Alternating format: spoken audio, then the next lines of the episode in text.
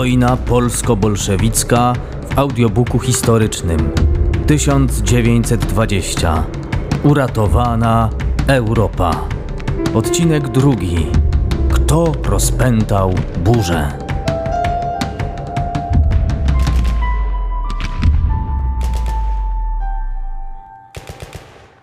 Przypominając jeden z najważniejszych konfliktów zbrojnych Europy okresu międzywojennego, należy oczywiście wskazać znaczące daty. Przede wszystkim dzień rozpoczęcia wojny.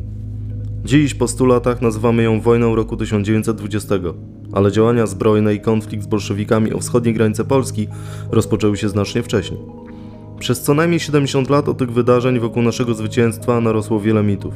W okresie PRL o roku 1920 mówiło się niewiele lub przedstawiało konflikt z Rosją radziecką jako efekt polskiej agresji.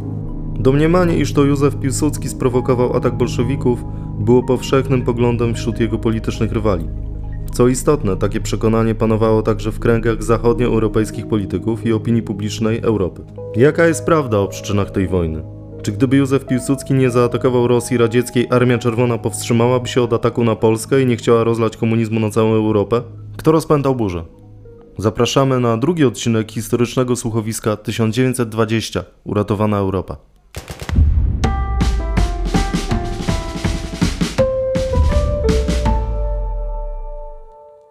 Traktat wersalski dość precyzyjnie ustanowił europejski porządek po I wojnie światowej. Niestety żaden z najważniejszych polityków ententy, którzy sygnowali to porozumienie, nie wiedział jak ostatecznie będzie wyglądać podział granic na wschodzie Europy i które ziemie przedrozbiorowej Rzeczypospolitej będą należeć do nowej, niepodległej Polski. W Rosji trwała wojna domowa między białymi, czyli spadkobiercami carskiej Rosji, i czerwonymi, orędownikami nowego komunistycznego porządku. Polacy już w listopadzie 1918 roku walczyli z Ukraińcami o Lwów.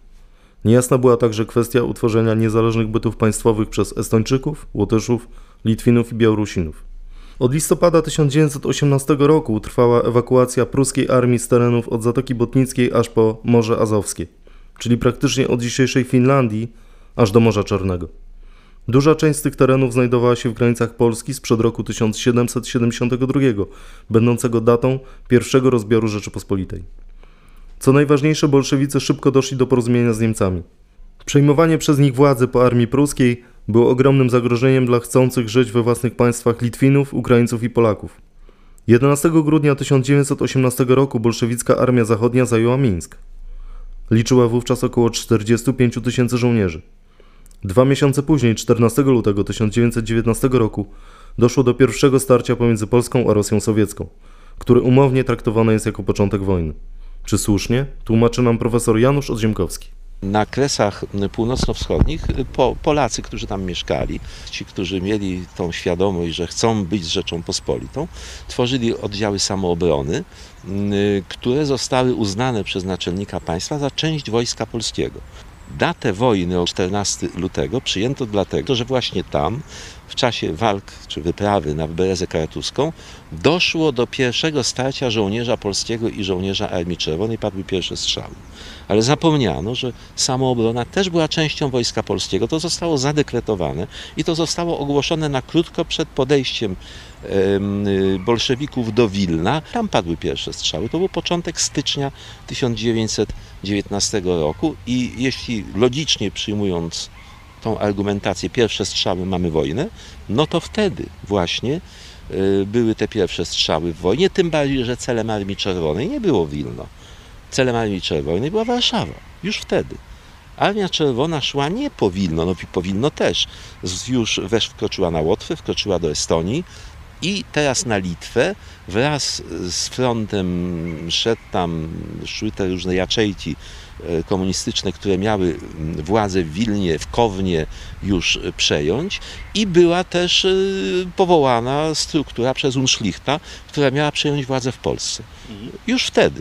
I dlatego możemy mówić od stycznia 1919 roku była de facto wojna, bo celem Rosji bolszewickiej było zlikwidowanie państwa polskiego i stworzenie Republiki Rad. Natomiast naszym celem było utrzymanie niepodległości, co więcej, wzięcie pod opiekę Polaków, którzy mieszkali też na wschód od Gugu. Włodzimierz Lenin wiedział, o co toczy się gra. Zanim jeszcze zostały wypracowane powojenne porozumienia mocarstw europejskich, w Smoleńsku szybko proklamowana została Radziecka Republika Białorusi, która wkrótce miała obejmować ziemię przedrozbiorowego księstwa litewskiego w ramach Litewsko-Białoruskiej Socjalistycznej Republiki Rad. Nie jest zaskoczeniem, że w jej granicach miało znajdować się Wilno i praktycznie cały teren polskich kresów. Podobnie miało stać się na Ukrainie i w północnych krajach będących później republikami bałtyckimi. Podobna gra toczyła się w Finlandii. Wszędzie tam już pierwsze dni rządów bolszewików oznaczały rewolucyjny terror. Polacy, Litwini, Żydzi Białorusini, zamieszkujący dawno gubernię mińską czy grodzieńską, szybko przekonywali się, że nadejście czerwonych rządów nie oznaczało szczęścia i sprawiedliwości społecznej. Szybko też stało się jasne, że bolszewicy nie będą respektować granic etnicznych i w rzeczywistości są raczej spadkobiercami imperialnych tradycji carskiej Rosji. Józef Piłsudski dzięki dobrej pracy polskiego wywiadu wiedział, jakie zamiary latem 1920 roku będą mieli Lenin i Lew Trocki. Dlatego wiosną zdecydował się na posunięcie bez precedensu.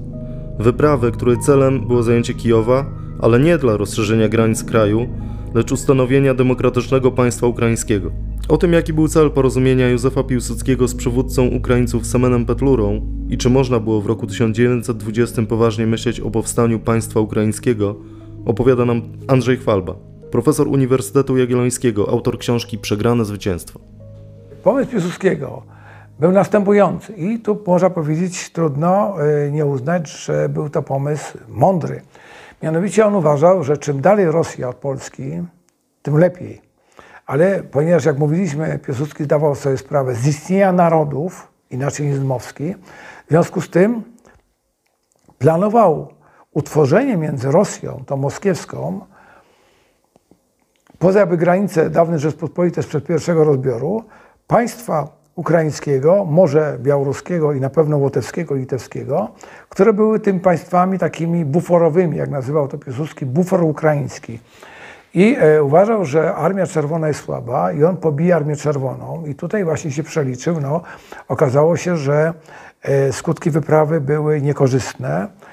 Czyli zamysł godny, zamysł mądry, no bo trudno się nie zgodzić, że czym dalej Rosja e, od e, rzeki Bugi, Niemen, tym lepiej dla nas. W końcu Rosja imperialna. E, Natomiast no, armia czynna Ukrainy jako projekt polityczny była mądrym pomysłem, że Polska i Ukraina przeciwko Rosji. Mimo wszystko wyprawa kijowska była krytykowana przez wielu oponentów politycznych Piłsudskiego, ale przede wszystkim przez państwa zachodnie, które później poza Francją nie udzieliły pomocy broniącej się Polsce. Czy była to zatem słuszna decyzja? Na to pytanie odpowiada profesor Janusz Odziemkowski, podkreślając ponadczasowe znaczenie, jakie dla Rosji posiadała i zawsze będzie posiadać Ukraina. Słuszne jak najbardziej. Nie dlatego, że y, wsparliśmy Ukraińców, chociaż to jest bardzo ważne, bo dzisiaj mamy się do czego odwołać. Bo nasza historia polsko-ukraińska no, bardzo się pogmatwała w XX wieku i gdyby nie ten jasny okres współpracy, to dzisiaj nie mielibyśmy o czym rozmawiać jak, jako narody, jako, nie było jakby tego punktu zbliżenia, a jest, i jest coraz to widoczniejsze na Ukrainie. I to była ta próba jednak jakby się udała, to by się losy Europy Środkowo-Wschodniej odwróciły, bo tak jak mówił Brzeziński, nasz rodak, doradca prezydentów Stanów Zjednoczonych, powiedział: Zabierzcie Rosji Ukrainę, a przestanie być mocarstwem. Jak Ukrainę z powrotem opanuje, szybko znowu stanie się mocarstwem. Więc ta, to było to, to, to znaczenie Ukrainy. Mm, Ale było coś więcej. Otóż myśmy wiedzieli, to były meldunki wywiadu, że bolszewicy szykują ofensywę wielką na Polskę latem 1920 roku. Dzisiaj wiemy, że to była jak najbardziej prawda, bo znamy plany. Taki rozkaz otrzymał Borys Szaposznikow, który opracował plan zniszczenia Polski. Podjęcie karty ukraińskiej było również y, ofensywą wyprzedzającą, to znaczy innym celem wyprawy na Kijów było rozbicie głównych sił Armii Czerwonej, zanim y, Rosja bolszewicka zdoła skoncentrować wszystkie siły przeciwko Polsce i takie jej osłabienie, aby nie mogła kontynuować dalej wojny z Polską. Oficerowie francuscy, którzy wtedy byli na froncie i pisali na gorąco swoje raporty do Paryża, nie pisali o ofensywie polskiej jako mm, y, prawda, takiej akcji, no, żeby zdobyć Kijów, tylko pisali bardzo wyraźnie ofensywa wyprzedzająca. Ataman Petlura no nie miał prawie żadnego poparcia na wsi. Dodaje profesor Andrzej Chwalba. Liczba ochotników, którzy napłynęli do jego armii, była bardzo niewielka. I armia w szczytowym momencie liczyła żołnierzy, których można było rusz, użyć na, na, e, na froncie kilkanaście tysięcy, a wszystkiego było 30 parę tysięcy. Wobec milionowej, czy nawet później paramilionowej Armii Czerwonej, no to nie był to żadny przeciwnik, a też żaden partner. Ponadto jeszcze jedno. Piłsudski wcale nie chciał Wielkiej Ukrainy. Bo uważa, że Wielka Ukraina może się upomnieć o Lwów, o Krzemienieck, o Wołyń. On chciał małej Ukrainy, takiej, która będzie nas oddzielała od Rosji i będzie skazana na sojusz z Polską, ale która nie będzie prowadziła polityki wobec nas rewizjonistycznej. Będzie naszym sojusznikiem, bo to będzie wynikało z wsparcia Rosji na Ukrainę. 9 maja 1920 roku główną ulicą Kijowa przeszła defilada połączonych wojsk polsko-ukraińskich. Józef Piłsudski, pełniący funkcję naczelnika państwa, zbierał gratulacje i wyrazy podziwu, nawet od dotychczasowych przeciwników politycznych. Defilada, która wywołała euforię w Warszawie, została jednak wykorzystana propagandowo przez bolszewików. Kijów był bowiem traktowany jako macierz Rusi, a jego zajęcie doprowadziło do podsycenia nastrojów narodowych Rosjan. Włodzimierz Lenin wzywał naród do walki z Polską, nazywając nas największym wrogiem Rosji. Planowana operacja wojskowa została przyspieszona. Na początku czerwca Polacy już wycofywali się z Kijowa, a wojska Tuchaczewskiego osiągnęły pełną gotowość bojową. W archiwach zachował się najbardziej znaczący rozkaz numer 1423, datowany w Smoleńsku, podpisany przez Michaiła Tuchaczewskiego i komisarzy Frontu Zachodniego, Polaka Józefa Unszlichta oraz Łotysza Iwara Smiłgę. Gnijący biały orzeł miał być dobity przez czerwony sztandar. Armia Czerwona miała iść dalej, na zachód. Oto jak brzmiały słowa dowódców. Czerwoni żołnierze, wybiła godzina odwetu. Wojska czerwonego sztandaru i wojska gnijącego białego orła stoją w obliczu śmiertelnego starcia. Przed ofensywą napełnijcie serca gniewem i bezwzględnością. Utopcie zbrodniczy rząd Piłsudskiego w krwi rozgromionej armii polskiej. Żelazna piechota, dzielna kawaleria, groźna artyleria muszą jak niepowstrzymana lawina zmieść białe śmiecie.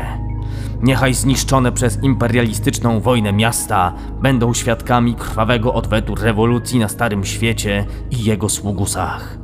Żołnierze rewolucji robotniczej, zwróćcie swe spojrzenia na zachód. Na zachodzie decydują się losy rewolucji światowej. Poprzez trupa Białej Polski prowadzi droga do światowego pożaru.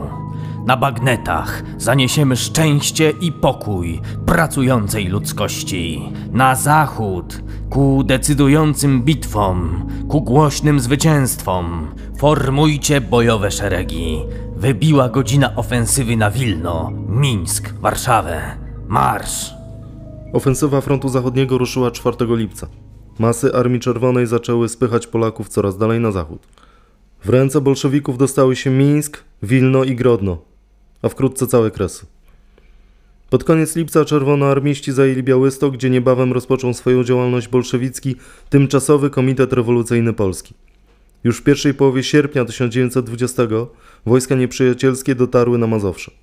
Kraj znalazł się w tragicznej sytuacji, a istnienie państwa polskiego zostało zagrożone. Jak to możliwe, że po tak spektakularnym sukcesie i polsko-ukraińskiej ofensywie wiosną nagle nie potrafiliśmy utrzymać wywalczonych pozycji na wschodzie?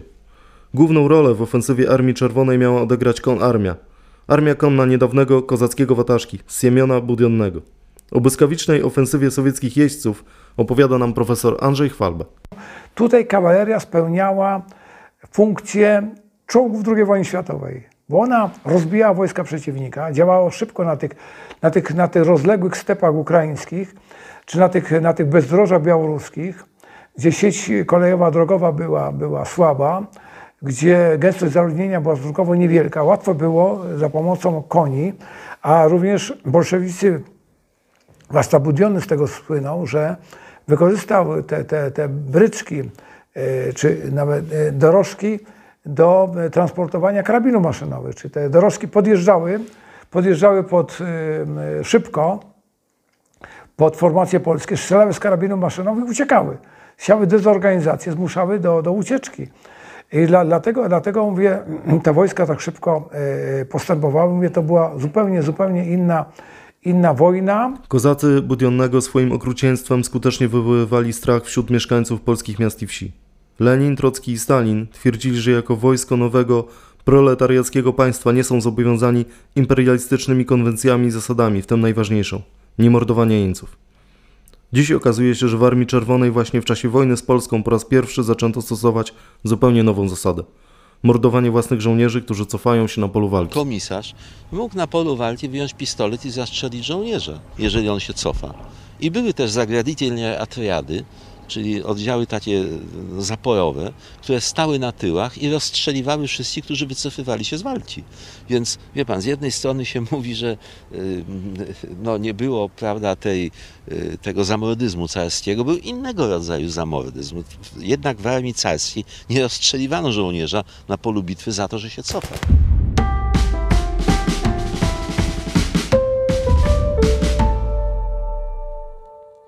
To był drugi odcinek historycznej audioprodukcji o wojnie polsko-bolszewickiej.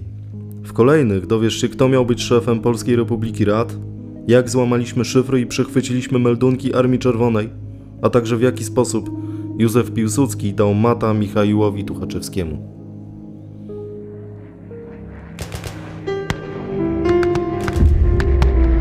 Wojna polsko-bolszewicka w audiobooku historycznym 1920. Uratowana Europa.